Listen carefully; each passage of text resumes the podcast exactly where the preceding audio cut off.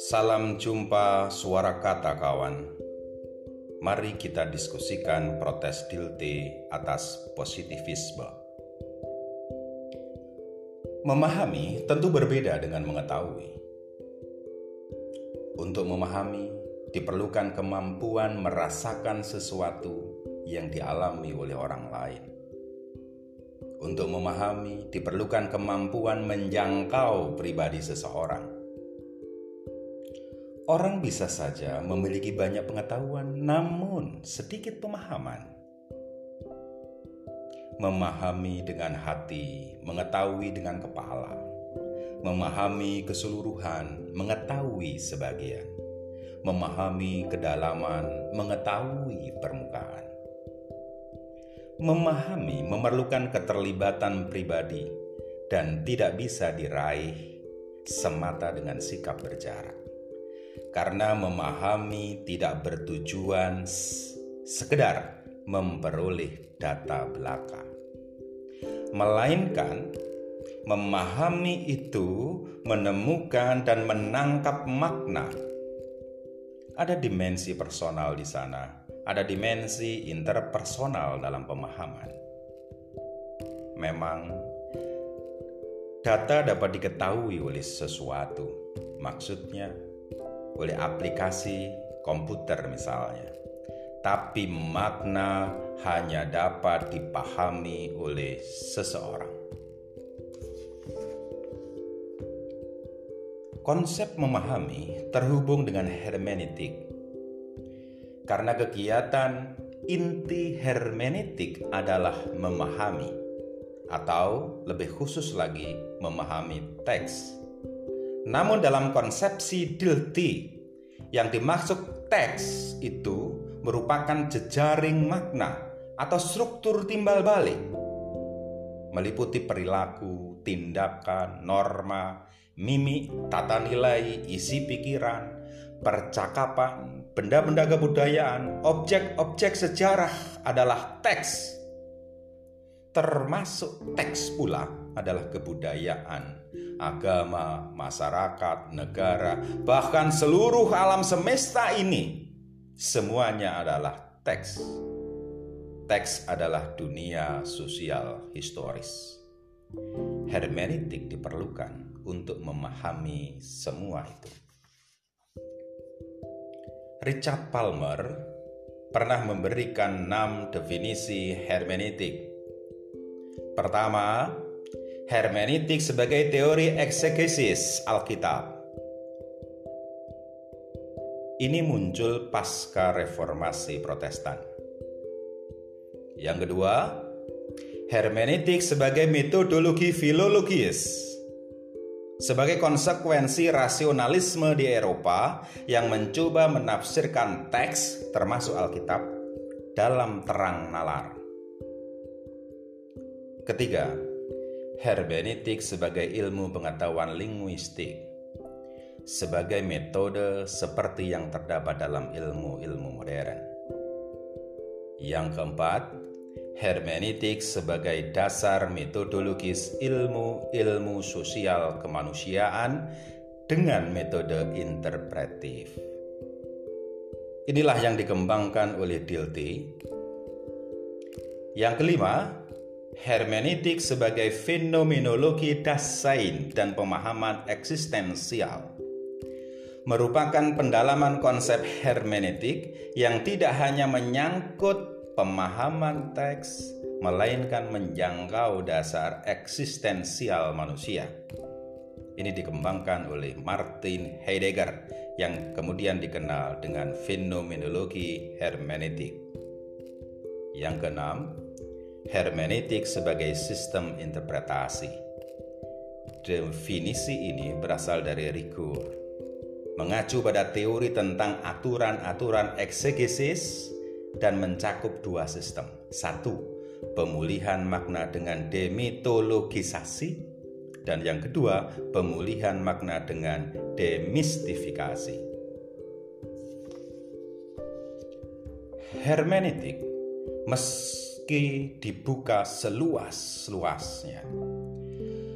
Mencakup tidak hanya memahami pemahaman, tetapi juga memahami ketidakpahaman, kesalahpahaman, dan kesepahaman. Hermeneutik dapat membantu kita agar menjadi lebih terbuka untuk berkomunikasi dengan dan di dalam dunia-dunia dan pandangan-pandangan yang majemuk. Dengan tradisi-tradisi yang majemuk dengan subjektivitas dan intersubjektivitas yang juga majemuk. Delty yang bernama lengkap Wilhelm Christian Ludwig Delty dengan masa hidup 1833 sampai 1911 membangun dan mengembangkan hermeneutik modern. Dilti menganggap bahwa positivisme pada ilmu-ilmu sosial kemanusiaan dianggap sebagai literalisme epistemologis yang memiliki kesempitan berpikir karena mengabaikan konteks karena dunia sosial historis juga diabaikan sekaligus dunia mental diabaikan pula. Dan positivisme sebagai literalisme epistemologis sebab dalam positivisme terdapat pemujaan yang luar biasa terhadap objektivitas.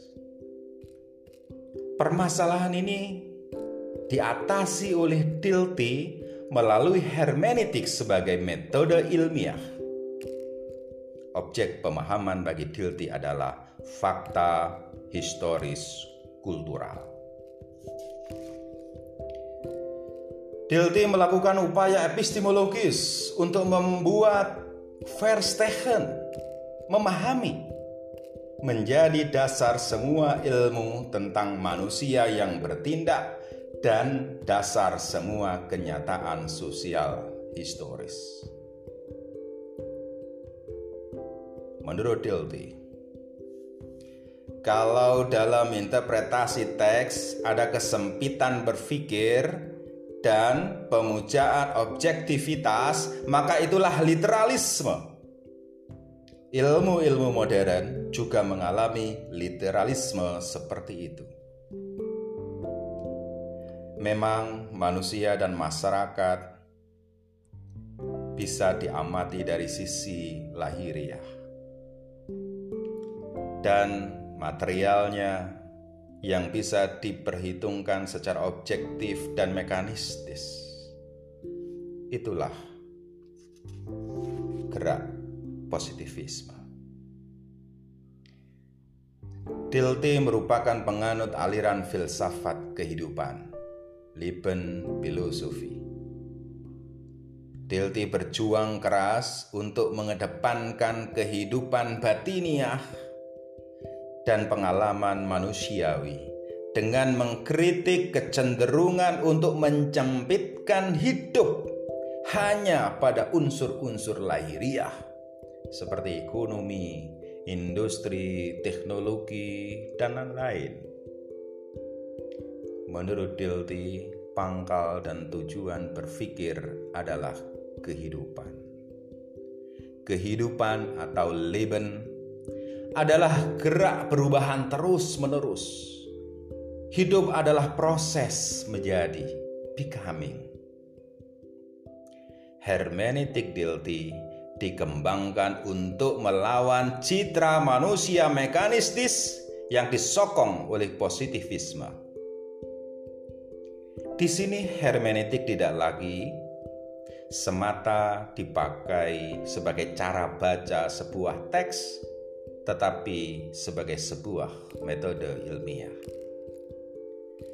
Hermeneutik sebagai seni memahami tidak lain dari suatu upaya untuk memahami pengalaman yang dihayati secara konkret dan historis pengalaman yang dihayati dalam kehidupan itulah yang akan menghasilkan makna dan mengejar sekaligus menangkap makna adalah tugas hermeneutik. Untuk memahami suatu teks, harus menempatkan di dalam konteks kehidupan penulisnya. Dan konteks kehidupan itu terdiri atas masyarakat, kebudayaan, dan sejarah. Tujuan Dilti dalam memakai hermeneutik adalah untuk memberikan justifikasi rasional atas ilmu-ilmu tentang manusia dan masyarakat, atas ilmu-ilmu sosial kemanusiaan. Di sini pertanyaannya adalah tidak lagi bagaimana mengetahui orang lain itu mungkin melainkan bagaimana mengetahui orang lain secara benar itu mungkin.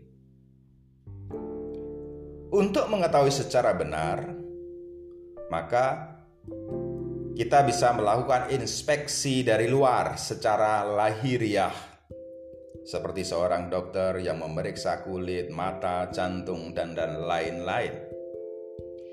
Memang, sebagai organisme, manusia memiliki aspek objektif dan lahiriah, dan aspek-aspek itu tunduk pada mekanisme alamiah. Akan tetapi, kita belum mengetahui personnya. Selama kita terpaku pada organismenya, yakni pada aspek lahiriah, objektif, dan kuantitatif. Person inilah yang tidak bisa dijangkau oleh pendekatan ilmu alam. Untuk menjangkaunya, justru menjadi tugas ilmu-ilmu sosial kemanusiaan. Person inilah yang menghasilkan dunia sosial historis.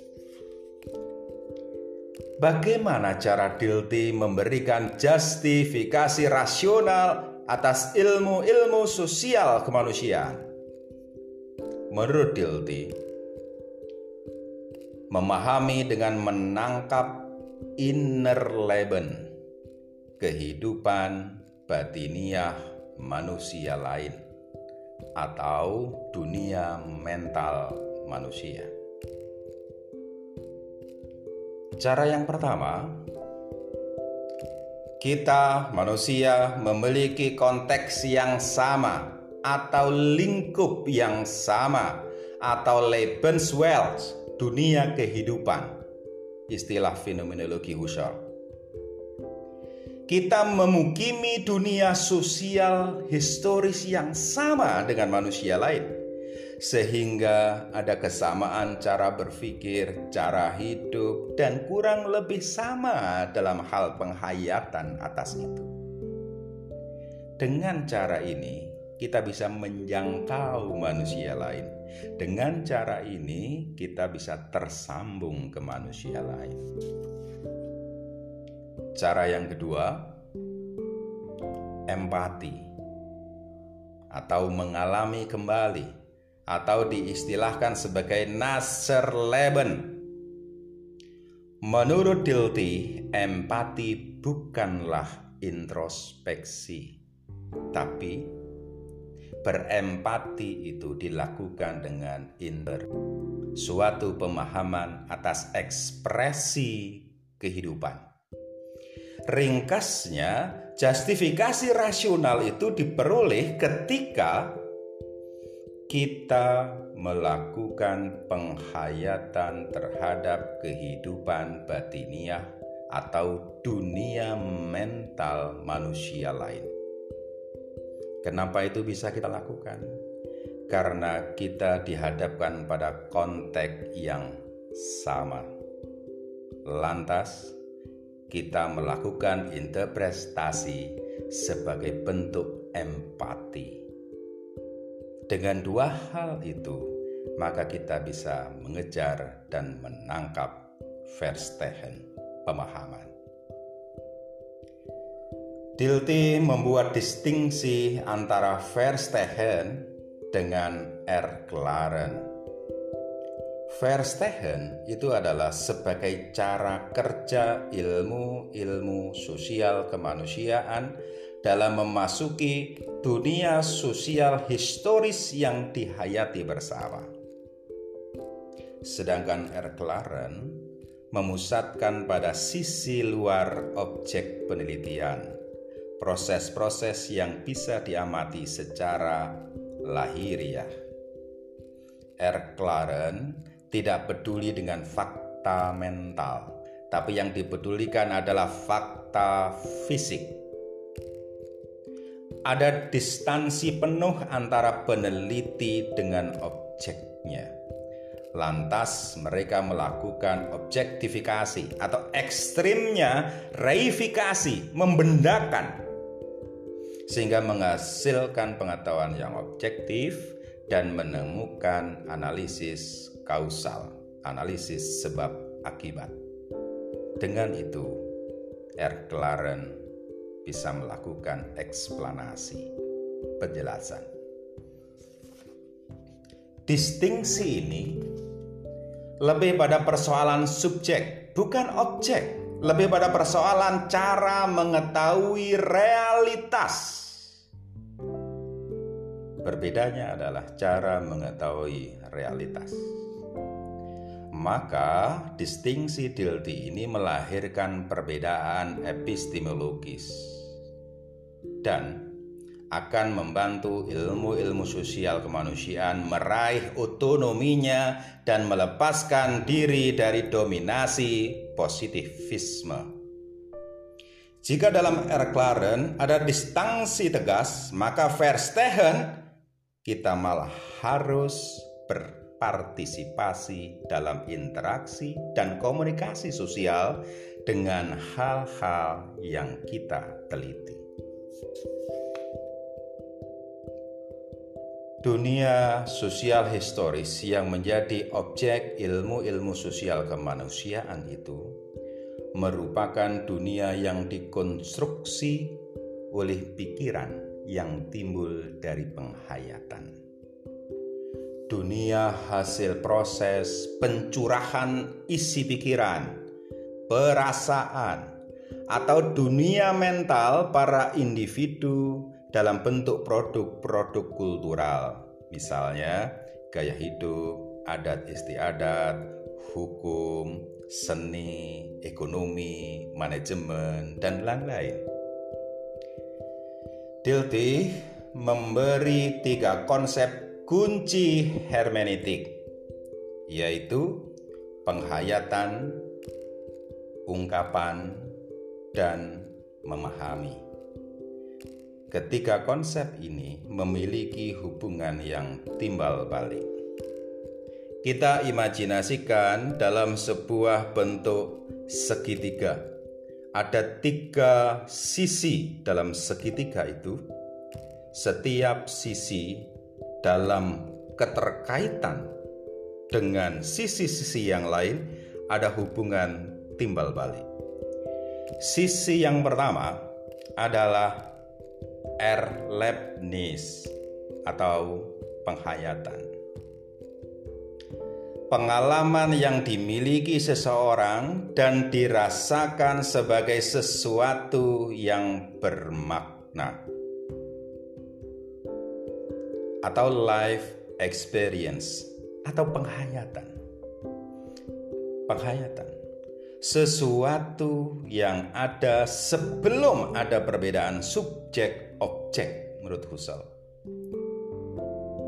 Sehingga penghayatan itu disebut sebagai kondisi pra-reflektif.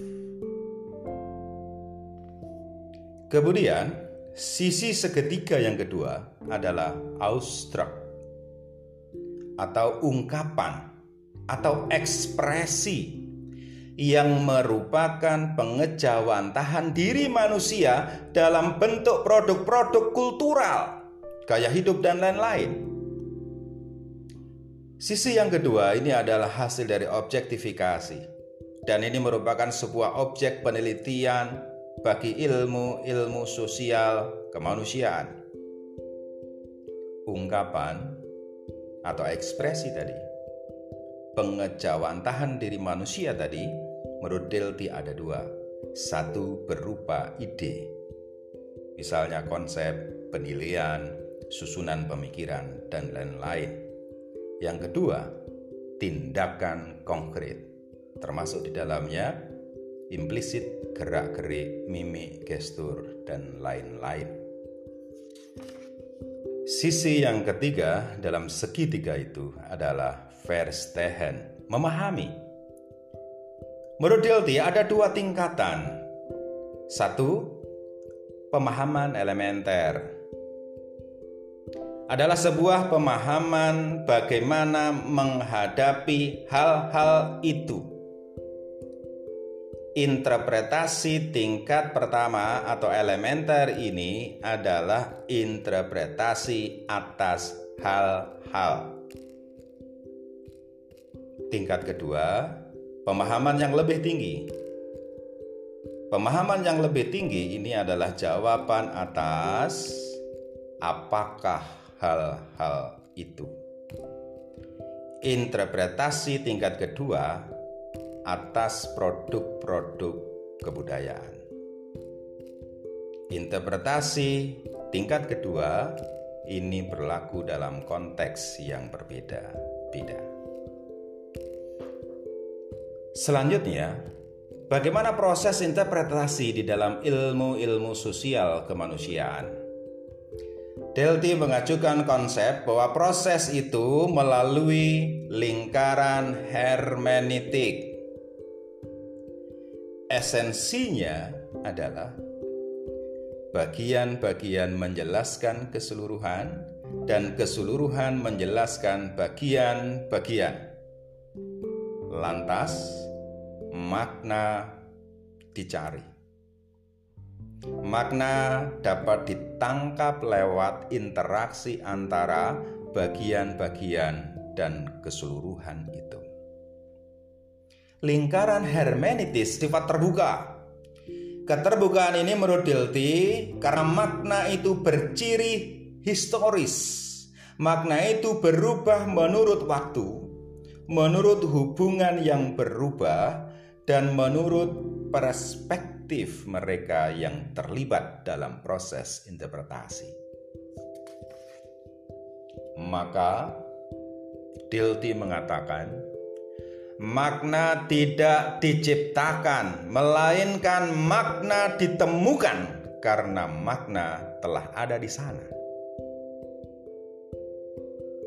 Begitulah Dilti melakukan proses pada dominasi positivisme dengan merintis dan mengembangkan hermeneutik sebagai metode ilmiah ilmu sosial dan kemanusiaan. Demikianlah. Terima kasih. Sampai jumpa suara kata kawan.